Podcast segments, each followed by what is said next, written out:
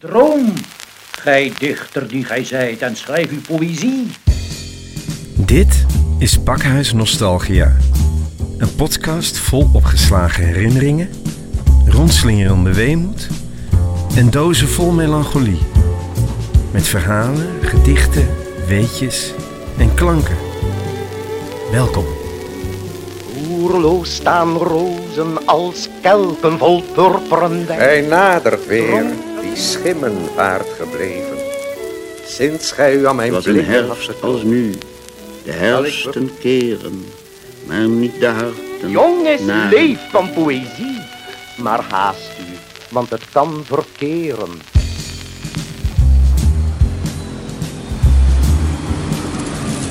Ja, hallo daar. Kom snel binnen. Ik hoopte al dat je welkom terug hè, in mijn eh, pakhuis Nostalgia. Hier naar boven. Denk ik een bijzonder verhaal te vertellen. En dat wil zeggen, als alle puzzelstukjes een beetje in elkaar willen vallen. Het gaat over mijn opa. Eh, mijn groot onbekende opa. Want ik heb hem nooit gekend. Nou, bij lange na niet. Hij stierf al in 1946, lang voordat ik überhaupt geboren werd. Hij is maar 51 jaar oud geworden. Nou, hoe kom ik hier nou opeens op bij? Je kent het wel dat je via WhatsApp van alles toegestuurd krijgt: foto's, cartoons, grappige filmpjes. En zo kreeg ik laatst van mijn goede vriend Wim een berichtje met een bijzondere app die gezichten op foto's tot leven kan wekken. En kort daarvoor had ik bij het opruimen van spullen in het appartement van mijn moeder, die naar verpleegtehuis verhuisd was, een paspoort in handen van die onbekende opa. Ik had een fotootje gemaakt van zijn pasfoto uit 1936, die ik nu met kunstmatige intelligentie van de app tot leven wek. En ik sta versteld. De in oude foto's bevroren man, die wel van een andere zwart-wit planeet in een andere tijd leek te komen, die lijkt opeens van vlees en bloed te zijn. Ik app het door naar mijn zusje en die reageert. Van hem dan een kille pasfoto. Dat is dan onze opa. Zou het niet aan mama laten zien. Die raakt denk ik helemaal van slag. Die onbekende opa is dus mijn moeders vader. En zij woont, 95 inmiddels, sinds een paar jaar in een verpleeghuis in Amstelveen. Zij is dus de enige die mijn opa nog heeft meegemaakt bij leven. De afgelopen jaren neem ik met regelmaat onze gesprekken op. De eerste keer in 2009 met een krakkemikkig recordertje. Maar ik weet wel dat mijn vader al die melodieën, die opera-melodieën, kende en dat dan eh meezong op zijn. Soms gewoon met mijn mobieltje, zoals die keer in het ziekenhuis toen ze net een TIA had gehad. En toen heeft hij meteen mijn vader als eh, plaatsvervanger genomen. Weet dat hij Of bij haar in het verpleeghuis in Amstelveen met mijn zoomapparaatje. Mevrouw Hoffers. Hé, hey, dag. Nou goed, ik zit met bezoek. Mijn zoon is er, ja. Ik merk in de loop van de gesprekken dat details uit haar verhalen verdwijnen. Of soms ronduit niet meer kloppen. Of ze zijn in tegenspraak met elkaar. Waar eerst het stellig over haar vader ging, Van, van, van mijn vader. bleek het later om haar moeder te gaan. mijn moeder was beledigd dat ze. Ook ken ik soms nog details uit verhalen die ik hoorde in mijn jeugd, die ze zelf inmiddels kwijt is. Maar soms gaan er opeens deurtjes in haar hoofd open en openbaren zich de meest ongelooflijke details. Terug naar de met kunstmatig tot leven gewekte pasfotovader. Als ik haar bezoek, toon ik haar op advies van mijn zus dus niet de animatie, maar wel de pasfoto zelf uit 1936. Ja, en daar heb je het al. Oh, Jan. Oh, je wat raar. Oh, die foto's uit die tijd vind ik allemaal een beetje luguber. Hoezo? Hoezo dat? Ja, ik weet het niet. Wat een rare ogen heeft hij. Hoezo? Ik heb die foto nooit gezien. Nou, het is een pasfoto die op zijn paspoort zat. Meen je dat nou? Oh, wat een lelijke foto. Dat was zo'n mooie man. Maar daar kan ik hier niet van zeggen. nee. Nou, Nee. ik vind jou ook wel een beetje op hem lijken. De ogen. Ja, ja. En de mond? Ik zou echt niet zeggen als die er lag. Oh, daar, dat is een foto van mijn vader. Ik zou hem niet herkennen. Ik herken hem niet. Ook niet op een afstandje zo? Nee. Nee, ik herken hem niet als een vader. Nou, dus in plaats van dat mijn onbekende opa door de pasfoto wat meer tot leven is gekomen, is hij juist weer wat meer vervaagd. Het gebrekkige beeld dat ik van hem heb, heeft al eerder een deuk opgelopen. In mijn jeugd heb ik de nodige verhalen over hem gehoord van mijn moeder. Dat hij huuropzichter was in de Amsterdamse Transvaalbuurt, een voornamelijk Joodse buurt, waarvan de meeste bewoners tijdens de oorlog zijn gedeporteerd. Jaren geleden vertelde ik dat op mijn werk. Dat was in het Amsterdam Museum, waar we toen aan een tentoonstelling over Amsterdam Oost werkten. Een van de conservatoren overviel me opeens. Maar was je opa dan eigenlijk niet fout in de oorlog? Ik ben met stomheid geslagen. De verhalen van mijn ouders over vroeger heb ik in mijn jeugd altijd kritiekloos als een soort heroïsche geschiedenis voor zoete koek aangenomen. Ja, hoe zat het nou eigenlijk? Het is tijd om het eens uit te zoeken. Wie is die onbekende opa en hoe zat het nou echt met de oorlog?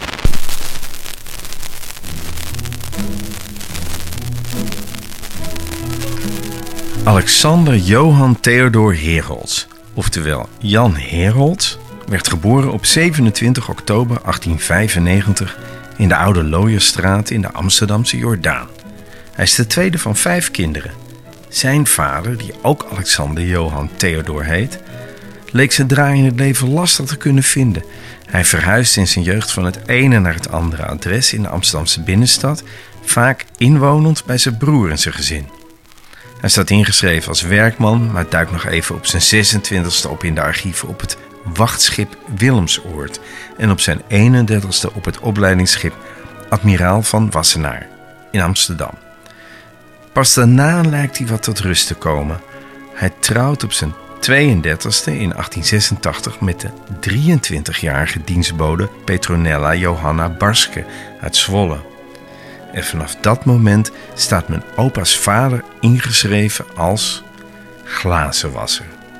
Ik stam via deze familiepoot dus niet bepaald uit een patriciërsfamilie. Het was zo'n vreemde familie, die heer Holtsen. Maar jouw vader, hoe is hij opgegroeid? Heb ik nooit iets van gehoord. Nooit. Daar werd niet over gesproken. Vroeger. Maar ik had een schat van een vader. Oh, oh. Nou, het zal nog knap lastig worden om de jeugd van mijn opa Jan in te kleuren. Ik heb ook niet zoveel van hem. Ja, een communiesetje, bestaande uit een kop en schotel met de inscriptie Ter gedachtenis uw eerste heilige communie.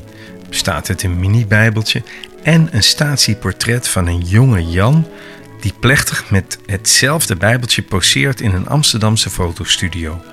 Corsage op en niet echt blij zo te zien.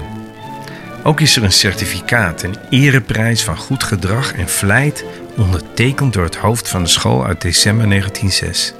En dan heb ik nog een eh, naar verluid door hem gegoten koperen Boeddha-beeld, waarschijnlijk van de ambachtschool. En dan is het stil tot hij tijdens de Eerste Wereldoorlog in dienst moet. Bij zijn keuring in mei 1914 geeft hij nog aan bij de marine te willen, misschien ingegeven door de zeemanspogingen van zijn vader. Maar hij moet zich heel gewoontjes op 16 februari 1915 in Naarden melden bij het 18e regiment infanterie, waar hij 18 maanden later als gewoon soldaat afzwaait. Op een vergeelde foto poseert hij in uniform ontspannen met de sigaar in zijn hand samen met twee maten. Ik zoom in op zijn gezicht. Geen onknappe jongen, blond haar en volgens zijn latere paspoort grijsblauwe ogen. Het is lastig om zijn neutrale blik te doorgronden. Ik probeer door zijn ogen naar de fotograaf in de fotostudio te kijken. Hoe hij kijkt naar de niet-alledaagse omgeving waar je je destijds letterlijk op de gevoelige plaat liet zetten. Ik ga in het Amsterdamse stadsarchief verder op zoek, maar vind niet veel. Hij verliest op zijn 22e zijn vader. Inmiddels werkt hij als bankwerker of metaalbewerker. Hij zingt bij een van de talloze zangverenigingen met de naam Sint Cecilia, die toen populair waren, en vindt een baan bij de gemeente. Tot zover weinig spannends.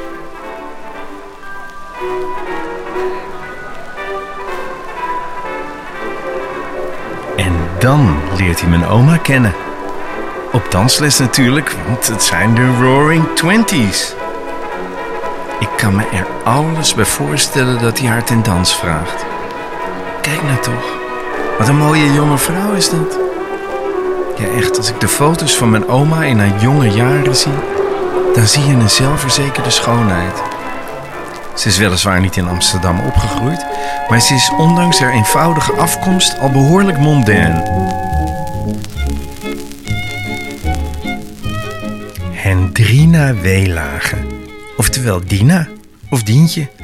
Ze is de vierde van uiteindelijk maar liefst 16 kinderen. In 1896 geboren in Wijk aan Zee en Duin. Na de eerste acht kinderen sterft op haar vierde haar vader, waarna haar moeder noodgedwongen hertrouwt met haar knecht en er dus nog acht kinderen volgen. In zo'n gezin leer je al vroeg zelfstandig te zijn, handen uit de mouwen. Op haar elfde liep mijn oma al achter een melkkar in Beverwijk, waar het enorme gezin inmiddels naartoe verhuisd is. Het is een slimme meid, maar zoals dat in die tijd ging, moet ze na de lagere school van school af. Op jonge leeftijd vindt ze werk als kamermeisje in een hotel in Wijk aan Zee. En dat blijkt later van cruciaal belang te zijn voor de verdere levensloop van Dina en haar toekomstige man Jan. In het hotel logeren veelal de well-to-do om van het strandleven te genieten. Zo ook het jonge echtpaar Adolf en Maria Loop. Adolf is een jonge Joodse bankier. Hij is in 1918 op zijn 24ste getrouwd met zijn 23-jarige bruid. Het jonge stel heeft twee zoontjes. Als hotelgasten leren ze het pittige bij de hand kamermeisje Dientje kennen. Als ze een avondje weg willen, blijkt Dientje de ideale oppas te zijn voor hun jonge peuters Ot en Hans. Al gauw is Dientje als oppas een vaste factor geworden en wordt ze door mevrouw Loep gevraagd of ze niet als kindermeisje bij het gezin wil komen werken in hun huis aan de Herengracht in Amsterdam. En zo stapt de twintiger Dientje niet alleen het stadse leven binnen, maar tevens in de wereld van de upper class. Als kindermeisje vergezelt ze al snel het gezin op hun buitenlandse reizen. Ze komt in Italië, maar ook liggen bij mij in huis nog de souveniralbums uit München en Berchtesgaden, waarop met vulpen medio juli 1923 staat geschreven. Niet slecht toch, voor de 26-jarige dochter van een tuinder uit het Kennemerland?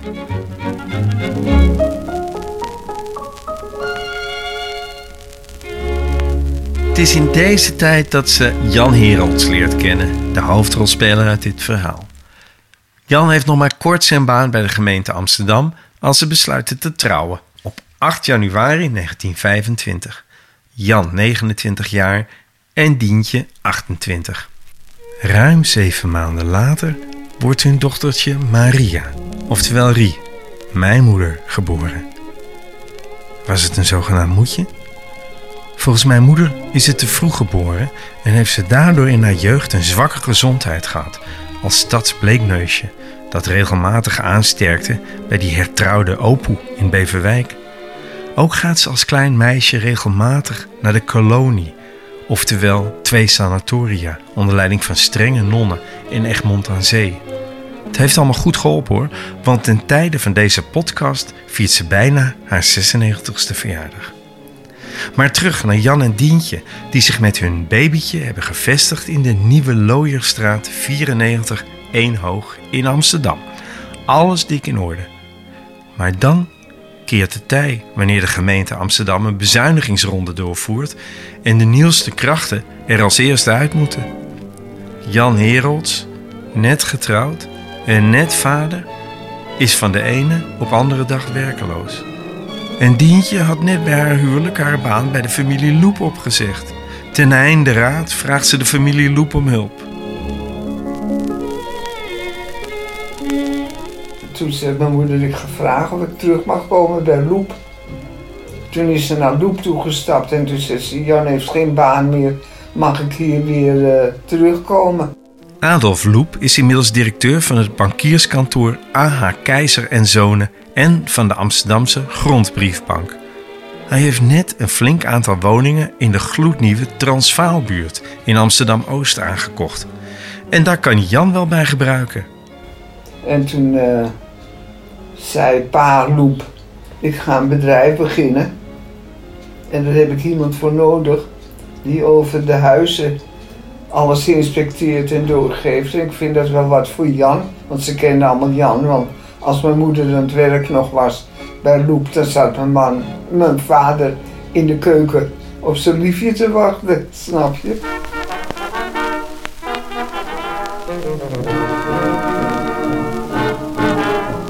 De Transvaalbuurt kent een bijzondere geschiedenis. In het begin van de 20e eeuw wordt de nieuwe buurt ontworpen door de beroemde architect Berlage. De buurt is gepland in een paradijselijk stukje polder. Schrijver Neschio, die er later ook nog even zou wonen, laat zijn bavink, hooier en koekenbakker regelmatig uitstapjes maken naar dit heerlijke natuurgebied aan de ringvaart. Er waren dan ook bezwaren tegen nieuwbouw in dit groene gebied, dat ook als rustplaats voor trekvogels diende. Maar de stadsuitbreiding was ook toen al belangrijker dan de natuur. Berlage's opdracht moet vooral recht doen aan de nieuwe socialistische idealen van de SDAP, de arbeiderspartij die de voorloper zou zijn van de huidige Partij van de Arbeid. Veel van de ontwikkeling van de buurt komt voort uit Joods initiatief om met name bewoners van de oude bedompte buurt rond het Waterloopplein een beter woon- en leefperspectief in de lichte en ruime nieuwe buurt te bieden. Zo rond 1930 wonen er al zo'n 20.000 mensen, waarvan veruit de meerderheid Joods is. Jan en Dien verhuizen met hun anderhalf jaar oude dochtertje, dankzij Jans nieuwe baan, naar een van Loeps woningen in de gloednieuwe Transvaalbuurt. Benviljoenstraat 16. En toen zijn wij meteen in de Jodenbuurt natuurlijk is terechtgekomen. En daar kreeg gewoon een import van Joden die de, de een zei, daar nieuwe huizen. En eh, ja, Jantje zei het tegen Pietje en Pietje tegen Klaasje. Nou, je noemt nou maar Jodennamen erbij. Dus zodoende waren wij eigenlijk bijna de enige christenmensen die daar woonden. Door het werk van mijn vader. Vijf jaar later, in april 1932, betrekken ze een mooie benedenwoning met tuin om de hoek op het Afrikanerplein, 42 huis. Tegenwoordig omgenummerd tot nummer 142, maar dit terzijde. Nou ja, en die kreeg toen alles meteen van Loep. Had zoveel vertrouwen in mijn vader. Die kreeg zoveel eigen toestand. Het bleek gewoon een eigen makelaar. Dat was een huisopzichter. Dus alle woningen die verhuurd werden, die moesten gekeurd worden door mijn vader en dit en dat. Ja. En de huur moest bij ons gebracht worden op het Afrikanerplein. Nou ja, zo zijn we daar, dan hebben we daar altijd gewoond.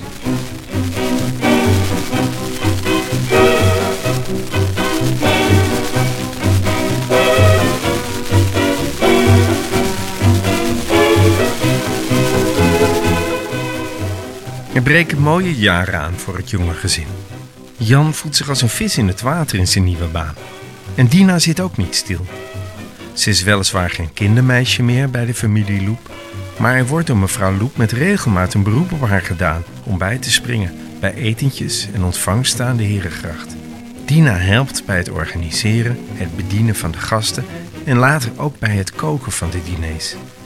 Ik herinner mij mijn oma dan ook als een waanzinnige kok. Ze was enorm handig. Nice people with nice manners, but got no money at all. They've got such nice habits, they keep rabbits, but money. Dina wordt al gauw gevraagd door andere voorname Amsterdamse families uit het netwerk van de Loops, bijvoorbeeld door de familie Van Dam. Abraham van Dam is directeur van de Bank voor Onroerende Zaken, waarover later meer. Maar bijvoorbeeld ook de familie Ascher heeft de kwaliteiten van de beide handen Dina ontdekt. Zo heeft mijn oma al snel een lucratief ZZP'erschap in de catering bij de Amsterdamse upperclass. Ze zal dat nog tot op hoge leeftijd blijven doen. Ze was geliefd bij haar klanten. Ik weet nog dat toen ik klein was, voorname dames in dikke bontjassen op haar verjaardag in de kleine woning op bezoek kwamen. Een van de mensen die ik me nog herinner was Shelley Ascher van Dam, die een frequente bezoekster was. De liefde was wederkerig. Zo stond er een foto van burgemeester Van Hal en zijn vrouw en een gesigneerd exemplaar van Beatrix en Klaus op haar dressoir. Toen mijn oma in het midden van de jaren 70 een schaars plekje in een Amstelveens bejaardentehuis zocht, zorgde de toenmalige Amsterdamse burgemeester ervoor dat het lukte. Dina was blijkbaar nog steeds bekend en geliefd.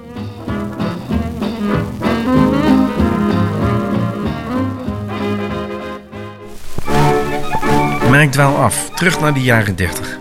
Het gaat eens goed met de familie Herolds.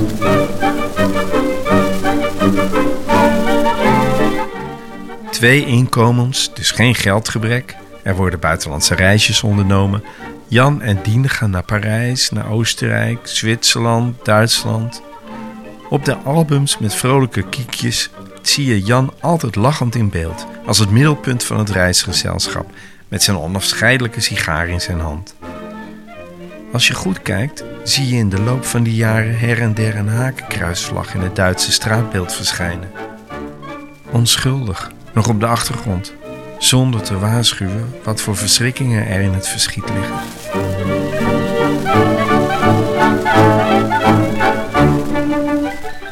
Tijdens hun reisjes logeert dochter Rietje bij haar opoe Heerholz, die van oorsprong Zwolse dienstbode, die met haar vrijgezelle dochter in de Kraaienhofstraat woont. Wordt Rietje thuis niet verwend, dan gebeurt het wel bij opoe.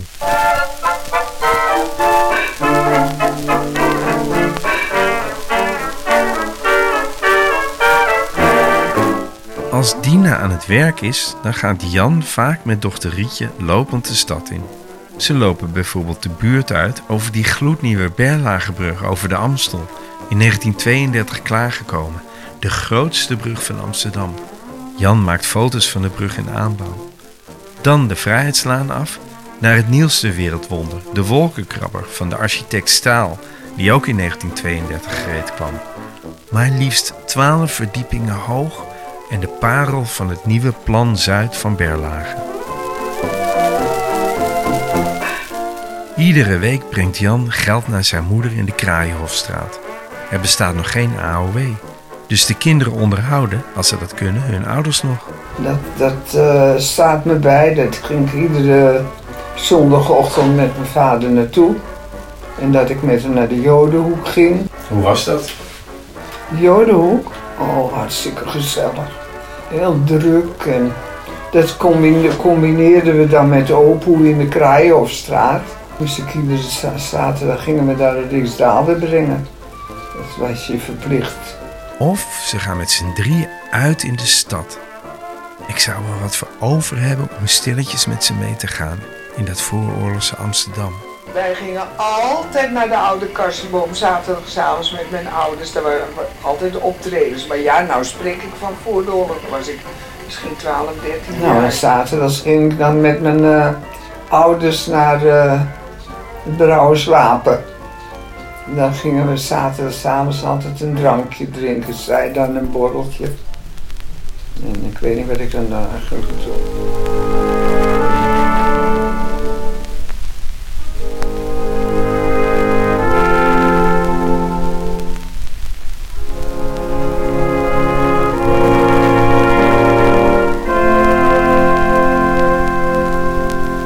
In 1938 besluit Adolf Loep naar Amerika te gaan. Hij vestigt zich als effectenhandelaar op Wall Street. Maar dat betekent ook dat hij zijn zakelijke bezittingen in Nederland afstoot. Waaronder zijn huizenbezit, waar Jan opzichter van is. En mijn vader moest zijn baan natuurlijk houden. En eh, die boel werd toen overgenomen door eh, Brouwer, een makelaarskantoor. Maar ja, die had natuurlijk zijn eigen mensen overal voor. Dus mijn vader die kantelde naar beneden met zijn baan. Er werd gezegd, Heerholz moet meegenomen worden, want het is mijn eh, man tot en met. Nou ja, en toen is Loep is, eh, dus al meteen gevlucht en de zaak is door ding is overgenomen. En dat was dan een zogenaamde collega van, van mijn vader, die dan het werk deed voor Brouwer. Ja, die liet zijn baan niet onder zijn gat vandaan halen door, door de Hierhols.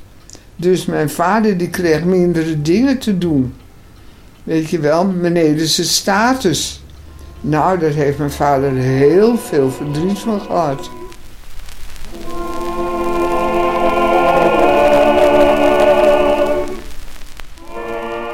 Jan probeert zich zo goed en zo kwaad mogelijk te schikken in zijn uitgeklede rol. Maar dan dient zich een nog veel groter drama aan.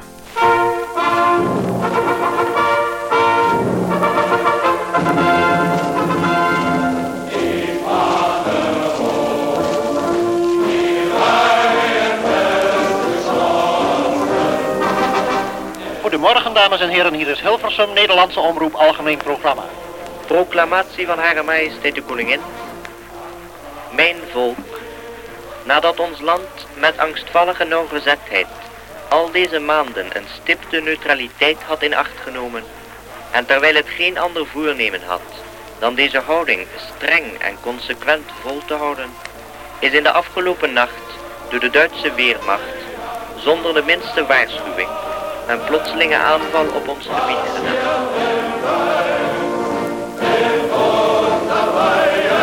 Aanvankelijk verandert er nog niet zoveel in de Transvaalbuurt. De overwegend Joodse bevolking maakt zich vanzelfsprekend ernstige zorgen over wat er gaat gebeuren. Inmiddels weten we dat de Duitse bezetters de anti-Joodse maatregelen heel langzaam, stapje voor stapje doorvoerden. Op het moment zelf konden de meeste mensen niet bevroeden dat de Duitsers erop uit waren om het hele Joodse volk te vermoorden. Eerst mogen Joden geen publieke functies meer uitoefenen, dan mogen ze geen openbare gelegenheden als sportvelden, markten en restaurants meer bezoeken. In april 1942 moeten alle Joden voortaan een gele ster dragen. En dan sluit het net zich.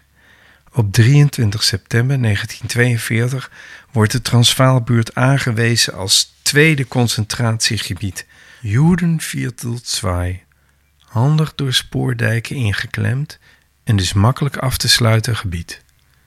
De gemeentelijke woningdienst krijgt opdracht om vrijstaande woningen alleen nog aan Joodse families te verhuren. Ik vermoed dat dit ook voor de voormalige woningen van Loep geldt als ik het woningverloop in 1942 en 1943 zie. Joden uit de rest van Nederland en uit de andere delen van de stad moeten op stel en sprong naar de Transvaalbuurt verhuizen. Voor de Joodse bewoners geldt een avondklok vanaf 8 uur. Moesten natuurlijk de Joden 8 uur binnen zijn, was het warm. En toen hadden ze aan de overkant, ik weet niet of je het nog herinnert, dit was onze tuin. En dan kwam je, de tuin zat er vast van de Dani Teronstraat. En die hadden ook beneden 1, 2, 3 hoog. En op de tweede verdieping woonden Joden mensen vrij jong en die hadden een plaat van de Kinema Hawaiians. En die zetten er dan s'avonds, alles ging op die veranda s'avonds, omdat je de straat niet op mocht. En er werd over en weer, werd er tussen de mensen geschreeuwd. En die gingen iedere avond de Kinema Hawaiians knoerd voor zover ze het hard konden opzetten. Op de tweede verdieping vergeten ik nooit. En het hoorde je avond.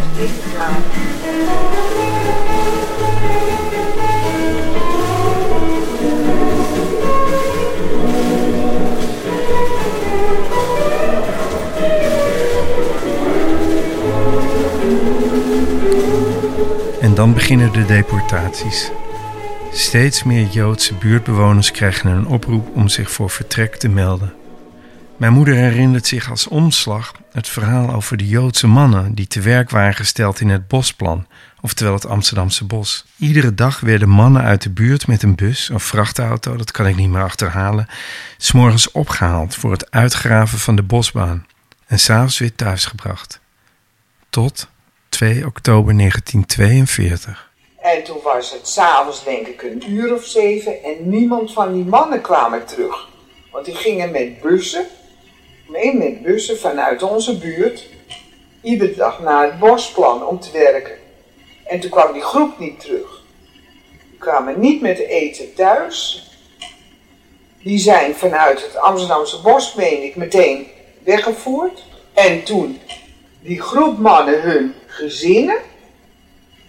Toen stond de hele buurt op zijn kop. Want al die vrouwen die waren aan het huilen met die kinderen erbij, want papa kwam niet thuis. En toen hebben ze s'avonds, dat was de eerste Narcia in de buurt, hebben ze s'avonds al die uh, gezinnen, althans die vrouwen met die kinderen opgehaald. Nou, dat vergeet ik ook nooit hoor. Nee. En toen kwam later natuurlijk, ging de hele massa door van dag in dag uit.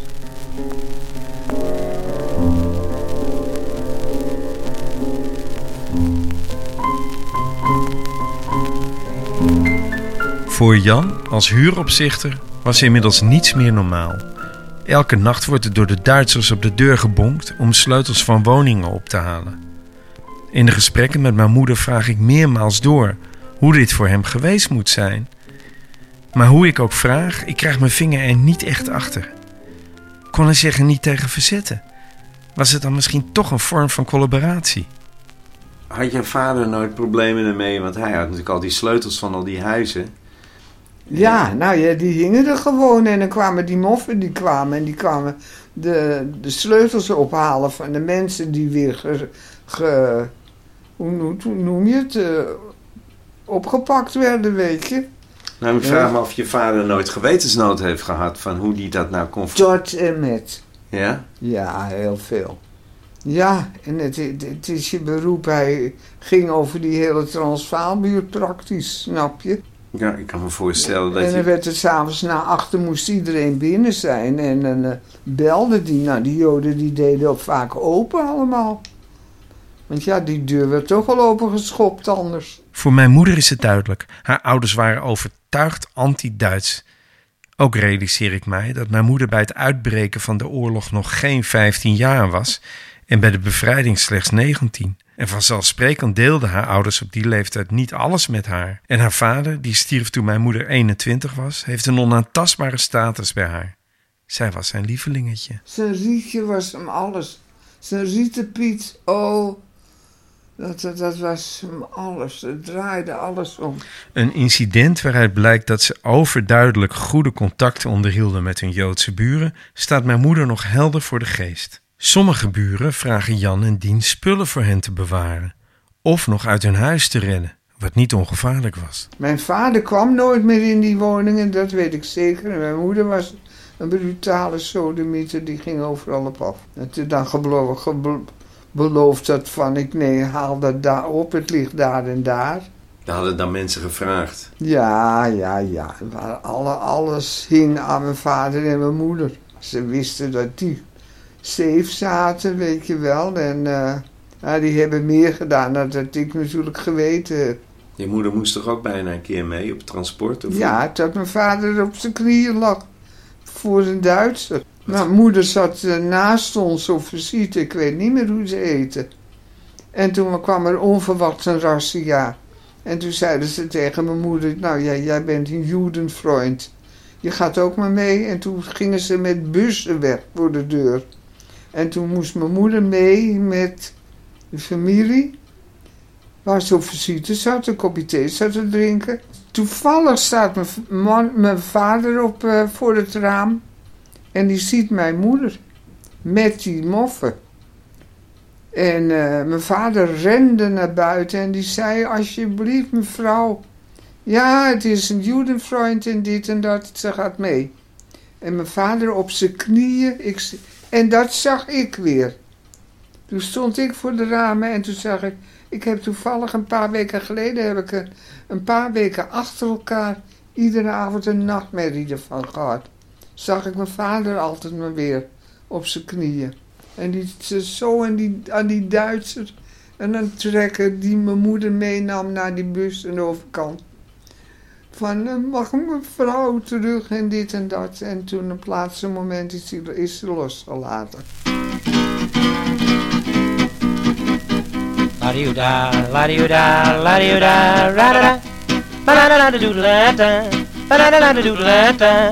Ondertussen wordt naarmate de vervolging steeds heviger wordt, het verloop in de buurt groter. Johnny en Jones waren voor de oorlog een vermaard duo, bekend van de Vara Radio. De platen van Nol van Wezel en Max Kannewasser, zoals hij eigenlijk heette, gaan als zoete broodjes over de toonbank, zoals dit exemplaar dat je nu hoort. Ook zij moeten verhuizen vanuit de rivierenbuurt naar de Transvaalbuurt. Da. Tot acht uur mochten, we, mochten de Joden op straat s'avonds. Er staat er niet meer bij, of wij ook. Wij hoefden geloof ik nog niet om acht uur binnen te zijn. En toen op de hoek van ons plein, dus aan het einde, er was dan een sigarenwinkel. En daar stonden voor die, eh, vitrine, stonden die s'avonds met een gitaar te spelen en te zingen. En een heleboel Joden mensen eromheen. En die moesten dan natuurlijk om acht uur weer binnen zijn. Heb je er ook bij gestaan? Ook, ja. Even niet beter kan, krijg je een mooi gestreept pakje aan. En de boeien sloten dichter, om Lou de laaien lichter.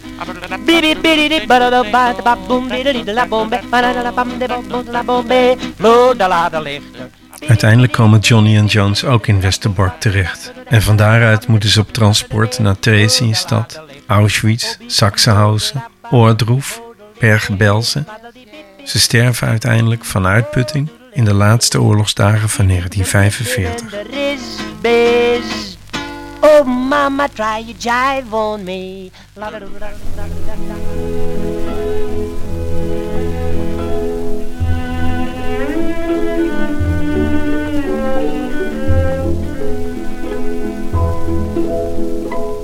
De Duitse geraffineerde machinerie draait nu op volle toeren. De Transvaalbuurt is het voorportaal voor deportatie via Westerbork naar de concentratie- en vernietigingskampen in het oosten. De een na de ander krijgt een oproep zich te melden. Als veel mensen hier geen gehoor aan geven, wordt er overgegaan op razzia's. Op zoek naar Joden wordt er zoals gezegd zo'n beetje iedere nacht aangebeld bij de familie Herolds. Is het niet voor sleutels, dan is het om te controleren of niemand zich hier schuilhoudt. Dochter Rie, in haar puberjaren, is er inmiddels onverschillig onder en slaapt gewoon door.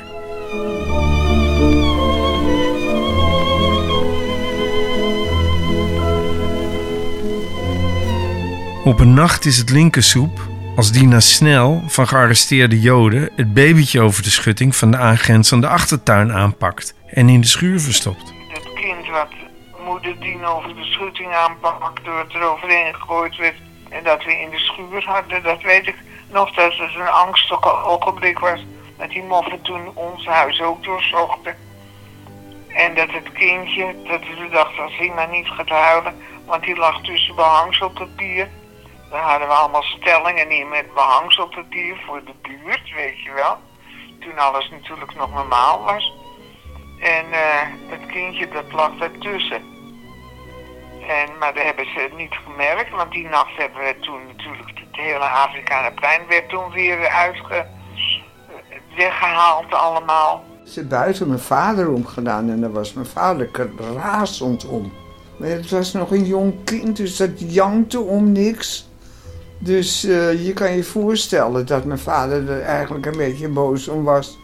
En toen zei hij, eh, is het nou wel goed verzorgd dat het gehaald wordt? Toen, het is twee dagen toen bij ons gebleven. En toen is ze door de ondergronds is ze weggehaald, die kleine. En het kind is gered en die is in Australië uiteindelijk terechtgekomen. En ver na de oorlog is die bij ons thuisgekomen nog. Die mijn moeder dus over de schutting in de schuur had gelegd, weet je wel. Nee, die was inmiddels volwassen.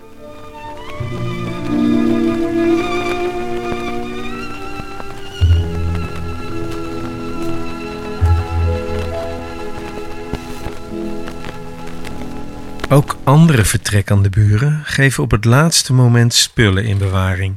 En hebben jullie veel spullen in huis gehad? Van, eh, Sieraden hebben we gehad. En wat is er dan gebeurd met de dingen die dan niet opgehaald zijn?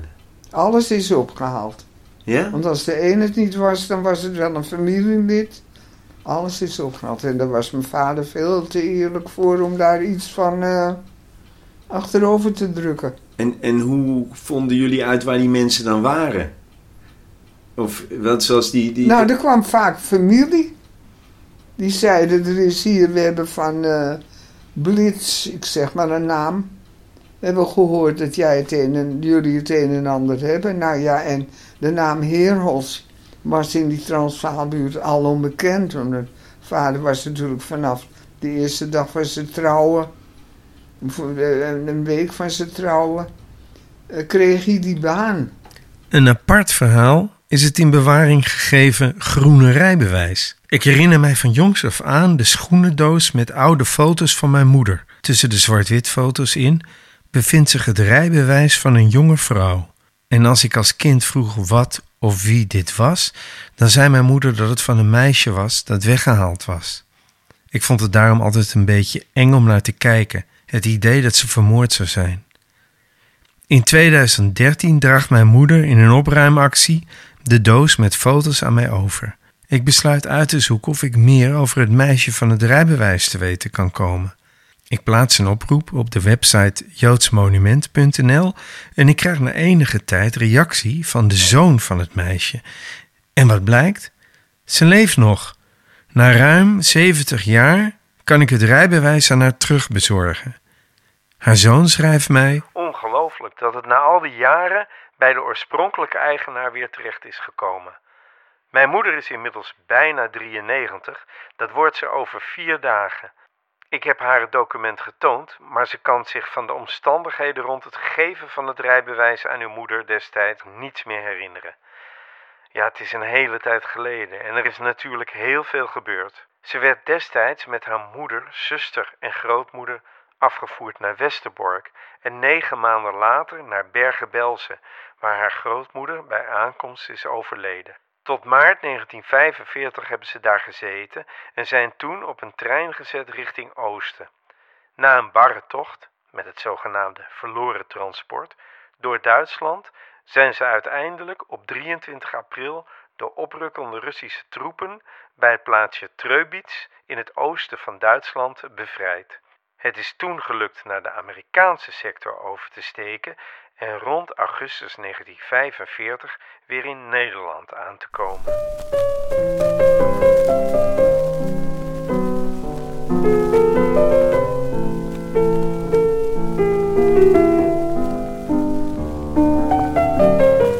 Vorig jaar nam ik in aanloop naar deze podcast opnieuw contact op met haar zoon om toestemming te vragen om het verhaal van Hanny Wolf, want zo heet ze, te mogen vertellen. Hij laat me weten dat zijn moeder zeer kort na het retourneren van het rijbewijs in 2014 op haar 93ste is overleden. En hij vertelt dat er inmiddels een boek is verschenen over Hannies vader, zijn grootvader dus, waar Hanny ook uitvoerig in voorkomt. Die vader is Daniel Wolf, een ondernemer van eenvoudige komaf, die in de jaren 20 en 30 een enorm fortuin weet te vergaren door een aantal zakendeals waar ethisch de nodige vraagtekens bij gezet kunnen worden. Een verhaal dat eigenlijk een volledige eigen podcastserie verdient. Het voert te ver om daar nu helemaal in te duiken. Door het boek heb ik wel wat meer inzicht gekregen in de weg die Hanny in de oorlog langs het Afrikanenplein voerde.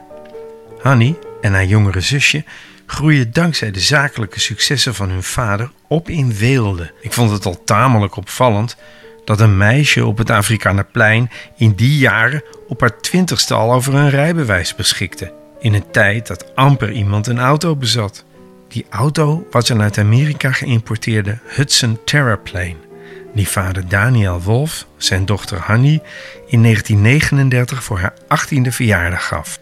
De familie Wolf woont in die tijd op Groot Hazebroek, een enorm landgoed in Wassenaar. Op 9 mei 1940, de 19e verjaardag van Hanny, gaat vader Daniel voor zaken naar Brussel. Hij vraagt of ze meegaat, maar ze heeft niet echt trek om op haar verjaardag tussen de zakenrelaties van haar vader te zitten. De volgende dag vallen de Duitsers Nederland binnen en is Daniel Wolf afgesneden van zijn gezin. Hij weet uiteindelijk naar New York te komen en zet alles op alles om zijn vrouw en twee dochters Nederland nog uit te krijgen. Maar dat loopt spaak. Zij zijn inmiddels hun landgoed uitgezet, dat, inclusief al hun kunstschatten, geconfiskeerd is door de opperbevelhebber van de Duitse Weermacht in Nederland, Friedrich Christiaanse. Hanny komt met haar zusje, moeder en grootmoeder via de Jan van Eyckstraat en de Johannes Verhulstraat uiteindelijk terecht in de Transvaalbuurt. Op 27 september 1943 nemen zij hun intrek in Afrikanerplein 46 1 hoog, schuin boven Jan, Dina en Rietje. Het is wachten op het onvermijdelijke. Op 15 december, dus na 2,5 maand, worden ze op transport gezet naar Westerbork. Precies vijf dagen voordat Daniel in New York overlijdt aan hartfalen. Hij heeft zijn gezin nooit meer gezien. Hanny geeft op het laatste moment haar rijbewijs nog in bewaring aan mijn 18-jarige moeder.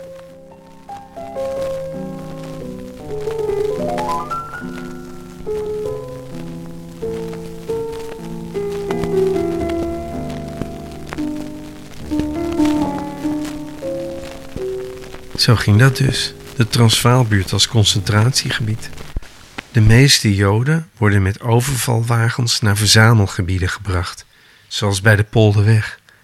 Vandaar worden ze dan via het Muiderpoortstation naar Westerbork afgevoerd, van waaruit de meeste in vernietigingskampen uiteindelijk vermoord zullen worden.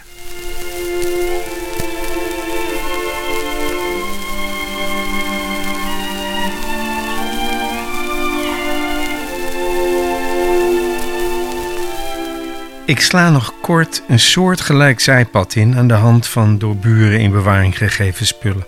In dit bijzondere geval een schilderij dat diende Jan verstoppen voor een Joodse familie. Het schilderij is een portret van Elisabeth Querido, een voor de oorlog vermaarde operazangeres, Française van geboorte. Haar roepnaam was Lily, maar in operakringen werd ze liefkozend Mimi genoemd naar de Mimi in Puccini's opera La Bohème. Naar verluid was ze een uitmuntende Puccini-vertolkster, waardoor ze op enig moment zelfs een contract kreeg aangeboden bij de New Yorkse Metropolitan Opera. Lily is 51 als ze samen met haar man op 30 september 1943 gedwongen wordt te verhuizen vanaf de Weteringschans naar Afrikanerplein 42, 2 hoog, recht boven Jan, Dien en Rietje en drie dagen nadat Hanny van het rijbewijs met haar familie en naast is komen wonen. Lily's man, Arnold Baruch de Lapardo, is tandarts. Hun twee kinderen, Rosa en Marcel, staan ten tijde van hun verhuizing naar het Afrikanerplein al lang op eigen benen. Hun dochter Rosa is een prachtige jonge vrouw, grote blauwe ogen en lang golvend bruin haar. Rond haar veertiende wordt ze voorgesteld aan Bram de Miranda. Bram is de zoon van de beroemde Amsterdamse wethouder Monne de Miranda. De kalverliefde resulteert in een huwelijk in 1931 als Rosa 19 jaar oud is. Rosa en Bram de Miranda krijgen in de jaren daarna twee kinderen.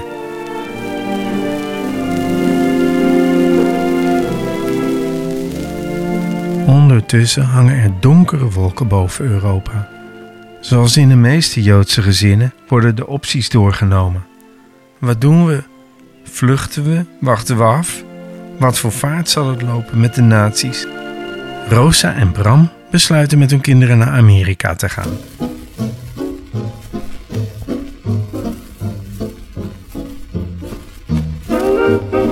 Rosa gaat voor. Ze is 27 wanneer ze met haar kinderen in september 1939 de oversteek maakt naar New York. Een paar weken later volgt Bram op het laatste schip dat nog toestemming voor de oversteek krijgt. Terwijl Rosa en Bram met hun kinderen een nieuw leven zijn begonnen in Amerika, komen Rosa's moeder Lily en vader Arnold niet meer weg en komen ook zij uiteindelijk op het Afrikanerplein terecht.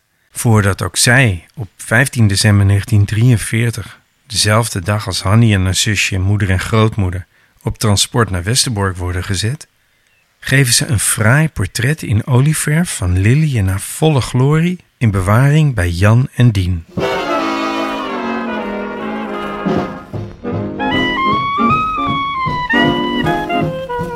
Ondertussen hebben hun dochter Rosa en haar man Bram met hun kinderen een klein appartementje betrokken in Brooklyn. Als Bram wordt opgeroepen voor het Amerikaanse leger, gaat Rosa op zoek naar werk en vindt dat bij die Office of War Information, Een instelling om de Amerikanen te informeren over de voortgang van de oorlog. Daar leert ze Joseph Marais kennen. Marais, geboren als Joseph Pesach, is een Joodse Zuid-Afrikaan die al een indrukwekkende internationale carrière achter de rug heeft als violist en zanger van volksliederen in het Zuid-Afrikaans. Van de een komt het ander. De twee worden verliefd. Rosa's kwakkelende huwelijk met Bram de Miranda komt tot een eind. En Jozef en Rosa gaan voortaan verder als zangduo onder de naam Marais en Miranda. Rosa Baruch de La Pardo, die haar prachtige zangstem van haar moeder Lily geërfd heeft, gaat van nu af aan door het leven als Miranda Marais. De twee staan aan het begin van een internationale carrière. Daar bij die molen, die mooie molen, daar woont het meisje waar ik zoveel van hou. Van ho, van ho. Daar bij die molen, Die molen. die mooie molen, Die molen. ik vraag haar vraag, Oh, o liefste wordt mijn vrouw.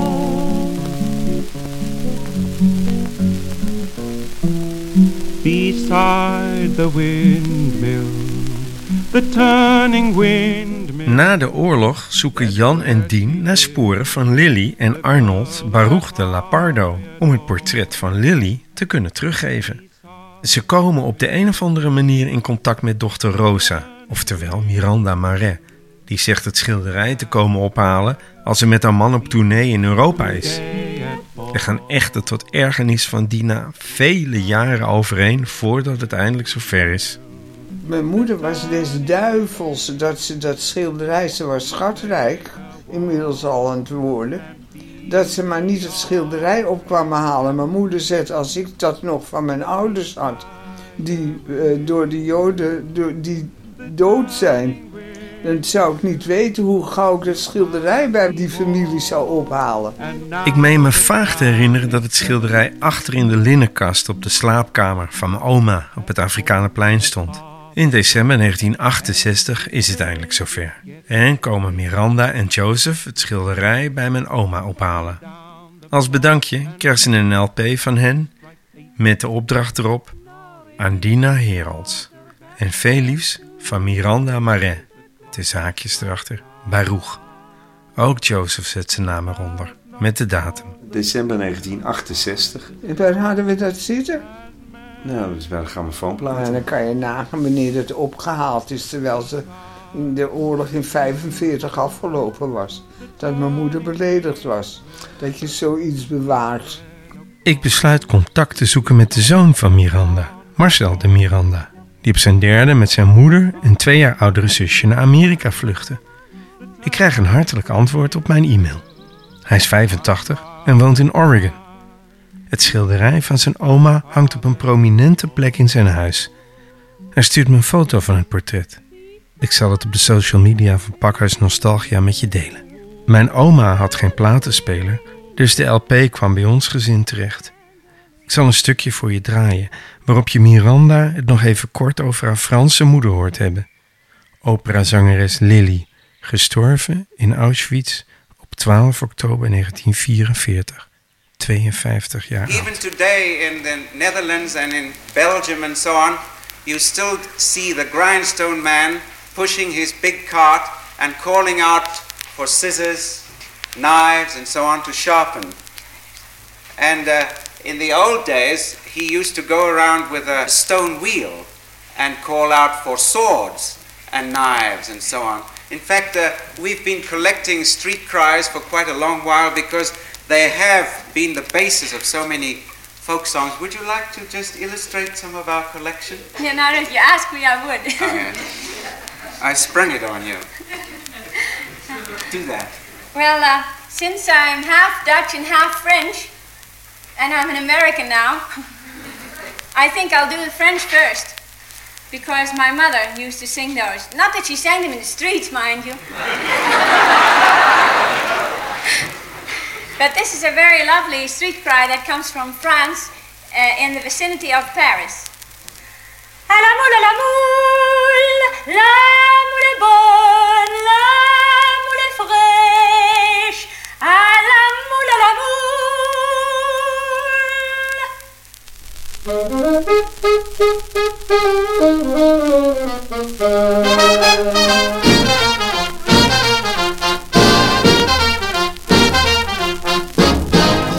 Ondertussen leeft mijn moeder een relatief onbezorgd tienerbestaan.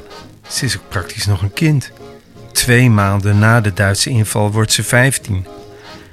Ze zit op een katholieke school en ze is samen met haar vriendinnen meer met jongens uitstapjes en filmsterren bezig dan met de oorlog. Het aanpassingsvermogen van een puber. Ik danste clandestien in de oorlog in de Kinkerstraat. Nou, ging je lopend naar de Kinkerstraat. Of voor de eerste keer door een jongen uitgevraagd werd. Ja, had ik afgesproken bij het Amstelstation. En toen zei ik, kwam ik thuis en toen zei ik tegen mijn vader en mijn moeder... Mag ik dat eigenlijk? Die moesten vreselijk lachen. Dat was mijn eerste afspraakje, weet je wel. Nou ja, dat volgde naar meer, want dan zeg ik het zelf. Ik was ontzettend gezien, maar niemand mocht met me naar bed. Want daar was je te katholiek voor. Wel zoenen. Ja, ja, ja, tot en met. In juni 1941 doet ze eindexamen van de MULO en vindt ze dankzij de relaties van haar moeder werk bij de Bank voor Onroerende Zaken aan de Savatistraat 35 tegenover het Amstelhotel. Abraham van Dam uit het netwerk van de Loops is daar president-commissaris. Ik kwam daar meteen op kantoor en toen had ik Free Polak, was ook een Jodin. Het was praktisch een, praktisch een heel Joods kantoor. Nou ja, alles zat er en toen betrekkelijk kort daarna zijn de Van Dams ondergedoken. Nou ja, en daar staat natuurlijk ook christenpersoneel op de bank voor onroerende zaken. En ik had er een heerlijke baan. Ik kon vier keer per dag op en neer naar huis op de fiets. Dat was maar een klein stuk in feite. Wees zij. Ze voelt zich helemaal op haar plek. De collega's zijn net een grote familie. Maar ook hier verdwijnen al spoedig de Joodse medewerkers uit beeld. Dan wel door deportatie, dan wel door onderduik. Ook wordt er vanwege het Joodse eigendom van de bank een zogenaamde verwalter aangesteld, een door de nazi's aangestelde zaakwaarnemer.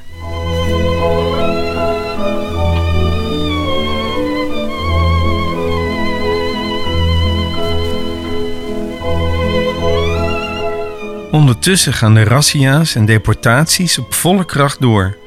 Een van de ergste razzia's vindt plaats op zondag 20 juni 1943. De hele buurt wordt hermetisch afgesloten. Er rijden luidsprekerwagens door de straten en er wordt omgeroepen dat de bewoners met hun bagage zich klaar moeten maken voor vertrek. S'avonds om 9 uur is het zover. Iedereen moet naar buiten komen, waarna men met overvalwagens wordt afgevoerd naar de verzamelplaatsen van waar het transport naar Westerbork zal plaatsvinden. Na deze 20 juni zijn er nog amper Joden in de Transvaalbuurt. Op de laatste families na die vanwege geld of relaties het langst uitstel hebben gekregen. Op een dag wordt Rietje gevraagd zich boven even te melden. We hadden een christenprocuratiehouder, meneer Jansen, die zei... Rie, wil je even naar de kamer van meneer De Groot? Er was één kamer verhuurd in het hele gebouw van de, uh, van de Bosbank Onroerende Zaken, BOZ. En uh, ik zeg, wat moet ik daar doen? Ah, zegt hij, die wil je spreken. En ik kom bij meneer De Groot binnen. Ik denk, het is helemaal meneer De Groot niet. Dat bleek toen uh, De Grote in die tijd te zijn. Uh, Karel... Karel Briels. Karel Briels, ja. En zo ben ik eigenlijk toen de ondergronds ingedoken. Wat ik helemaal niet wist dat ik gevaarlijk werk deed. Heb ik niet eens weer stilgestaan. Vond het wel interessant. Karel Briels was een acteur-regisseur van achter in de twintig. Onder druk van de Duitsers had hij zijn eigen theatergezelschap moeten opheffen en begon hij onder de codenaam B kwadraat C kwadraat met illegale huiskamervoorstellingen, voornamelijk bij bekende industriëlen en captains of industry. Het vele geld dat Briels hiermee verdiende, gebruikte hij voor het leveren van voedsel aan bijna 100 in Amsterdam ondergedoken kunstenaars, waaronder bekende beeldhouwers, muzici, schrijvers, toneelspelers en kunstschilders. Hij kocht voedsel op de zwarte markt, dat werd gedistribueerd volgens een ondergronds couriersysteem. Van de distributie hield Briels een nauwkeurige boekhouding bij. Ergens in die keten speelde Rietje een rol door briefjes uit te tikken en spullen van A naar B te brengen. Hoe jong ze ook was, ze vertelde niemand hierover. Ook niet haar vader of haar allerbeste vriendin Beb. Wat deed je dan? Nou, ik moest eh, bij, eh, hoe heet het, steeds het post opnemen, uittikken. Ik had eh, thuis ook een machine. En dan moest ik weer, eh, als dat gecontroleerd was, moest dat weer doorgegeven worden. Kreeg ik dan weer op kantoor. Dat moest ik eh, naar bepaalde adressen in Oost brengen. Ja, ik kwam de buurt bij mij in en uit, dus eh viel niet eens op. Het voordeel dat ik in Jodenbuurt woonde, want die buurt was afgesloten met een tunnel. Dus de eerste keer moest ik me legitimeren, want we hadden allemaal een persoonsbewijs natuurlijk. En eh, de tweede keer hoefde het niet meer. Ik had een Duitse naam en ik kwam er vier keer per dag naar huis. En wanneer met het, die Duitsers die daar controle hielden, dat waren allemaal oudere Duitsers. Die zeiden hoi, dag en ik zei ze gedag. Die kende je op laatst. Wat ook nogal van pas kwam bij haar ondergrondse taken, waren twee Duitse formulieren die ik tussen de papieren van mijn moeder vind. In het ene, door de Duitse verwalter C.H. Oldach getekende document, wordt gesteld dat ze onmisbaar is.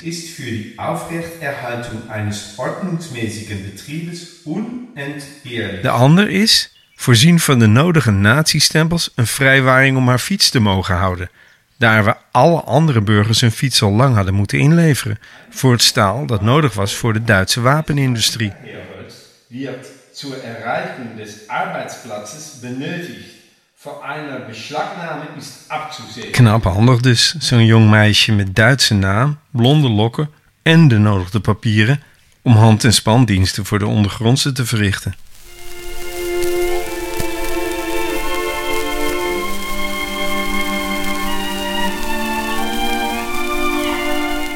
In de laatste oorlogsjaren is door de deportatie van de Joden de ziel uit de Transvaalbuurt verdwenen. Vele honderden woningen staan leeg en veranderen in krotten. Helemaal nadat in de hongerwinter de achtergebleven bewoners de huizen plunderen en het hout eruit slopen. Op straat worden de bomen gekapt. Om de kachel brandend te houden, zaagt ook Jan samen met buurmannen bomen om. Het gezin heeft het nog relatief goed. Dina scharrelt genoeg eten bij elkaar. En haar stiefvader uit Beverwijk zorgt ook voor het benodigde voedsel. Rietje, die de eerste oorlogsjaren veel Joodse vriendinnetjes verloren heeft, is onverschillig geworden en loopt wanneer mensen van de honger op straat in elkaar zijn gezakt er gewoon met een boogje omheen.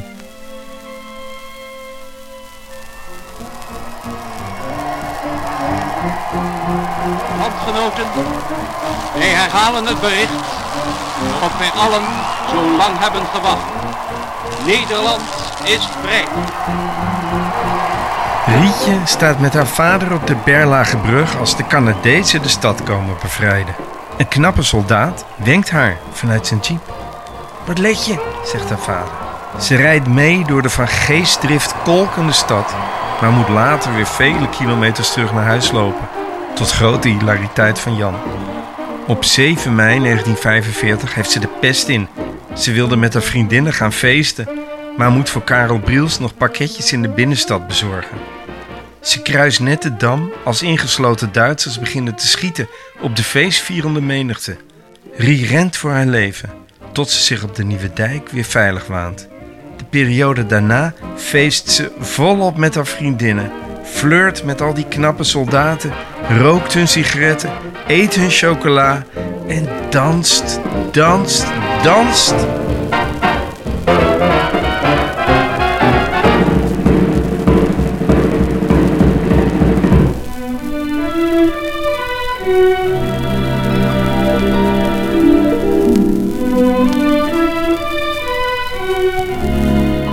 De buurt moet weer opgeknapt en opgebouwd. Dus genoeg te doen voor Jan, zou je zeggen. Maar hij is niet gelukkig. Hij werkt zwaar onder het niveau van zijn vooroorlogse functie. Meneer Loep is weer terug uit New York, maar kan niets voor Jan betekenen. Bovendien heeft Adolf Loep kanker en zien de vooruitzichten er niet goed voor hem uit. Dina pakt haar oude werk bij de rijke Amsterdamse families weer op. Dan wordt Rietje ziek. Ze zat zonder jas achter op een motor tijdens een onweer en loopt natte pleuritis op. Dat betekent in die tijd bijna een jaar in bed blijven. En dan, tot overmaat van ramp, wordt ook Jan ziek. Kanker. Was het de oorlogsstress in combinatie met de constante frustratie over zijn werk?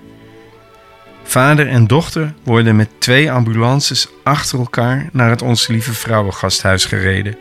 We schrijven 1946 en er is voor Jan geen behandeling mogelijk. Het gaat snel.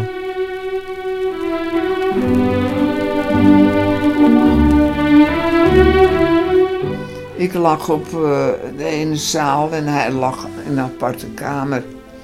Toen ben ik nog een keertje bij hem geweest, maar toen was hij al bijna niet meer aanspreekbaar.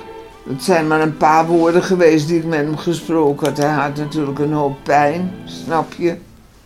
Dan zei je, nou pap, hoe is het? En hij zei, hoe is het met jou? Het ergste moment vond ik dat uh, mijn vader begraven werd. En dat hij in een open kist lag. En dat ze mij met de brancard, want ik lag natuurlijk in het ziekenhuis ook, met de brancard naast die open kist gezet werd. Dat mijn vader, dat ik zo steeds mijn vader zag. In, in een wit gewaad natuurlijk en alles. Hoe dat allemaal in die tijd nog was. Nee, dat, uh, dat beeld vergeet ik nooit. Na Jans overlijden schrijft Adolf Loep een brief aan Dina en Rietje. Beste Dina en Rie, laat mij in je droevenis delen. Ik heb je man en vader nu een dertig jaar gekend en leren waarderen. Steeds stond hij niet alleen voor jullie beiden, maar ook voor mij klaar om te helpen. Het is wel een vreemde speling van het noodlot dat ik, die reeds jaren opgegeven ben, hem nog overleef. Maar dat is het vreemde, dat wij inderdaad niets weten en begrijpen wat er gebeurt.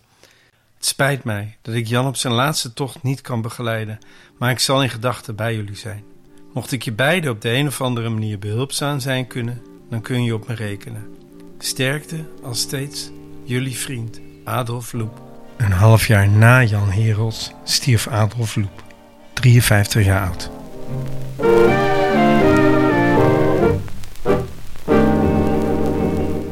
Was je vader streng? Mijn vader helemaal niet. Wat voor vader was hij? Altijd lachen. Iedereen mocht hem. Dus nou niet omdat het mijn vader was, maar iedereen mocht hem. En uh, nou, de loepen waren helemaal stapel op hem. Goud eerlijke man, oh. Die was ook altijd aan het zingen. Mijn vader was altijd opgewekt. Nou, ik haal mijn vader stem zo uh, uit de diepte naar boven hoor. Ja. Terwijl ik andere dingen stomweg vergeet. Heb ik mijn opa beter leren kennen? Ben ik dichter bij hem gekomen? Het blijft lastig. Ik moet het doen met de getuigenissen van mijn moeder. Ze was jong en idolaat van haar vader. Ik ben wel overtuigd dat mijn grootouders aan de goede kant stonden en, ondanks dat ze geen soldaat van Oranje of Hannie Schaft waren, geprobeerd hebben op een deugdelijke manier door de oorlog te komen. Daarbij was mijn oma volgens mij onverschrokkener dan haar man Jan. Of kun je dat niet zeggen en was hij voorzichtiger om zijn gezin heel huis door de oorlog te loodsen? Ondanks dat ze niet met de dood bedreigd werden, waren het ontegenzeggelijk zware jaren voor ze. Ze hebben hun enig kind zoveel mogelijk buiten hun eigen zorgen proberen te houden. Dat is er zeker gelukt. Mijn moeder is redelijk zorgeloos tijdens de oorlogsjaren opgegroeid. Dat neemt niet weg dat in mijn jeugd mijn moeder ronduit anti-Duits was en op vakanties naar Oostenrijk met buitengewone sceptisch naar de generatie Duitsers van voor en tijdens de oorlog keek. Ze kon, zolang ik mij herinner, niet tegen het geluid van laarzen op straat. En regelmatig kwamen en komen weggehaalde Joodse buurtvriendinnetjes s'nachts nog in haar dromen voorbij. Dina zou nooit meer op zoek gaan naar een andere man. Ze bleef aan het werk bij de Amsterdamse elite, ze maakte volle buitenlandse reisjes en bleef tot het midden van de jaren 70 in de woningen op het Afrikaanplein wonen. Ze overleed in 1980 op haar 83ste in een Amstelveens bejaardentehuis. Rietje trouwde met mijn vader, een Brabander die carrière bij Fokker maakte. Hij legde haar volledig in de watten. Samen kregen ze twee kinderen, mijn zus Ineke en ik. Ja, ik heb een lang leven gehad en een heel apart leven. En een mooi leven.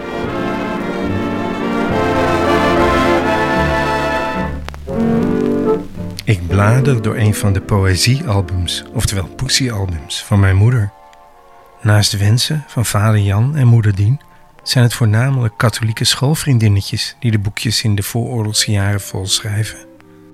Eén bijdrage valt me op, geschreven op 10 februari 1939 door buurtvriendinnetje Trientje Lopez Diaz. Lieve Rietje, als ik een dichtersgeest bezat, zou ik iets moois schrijven op dit blad. Maar nu ik dit niet kan, geef ik je dit wensje dan. Ga ongestoord het leven door. Dag Rietje, het beste hoor. Je vriendin Trientje Lopez Diaz. In de hoekjes staat geschreven: Vergeet mij niet.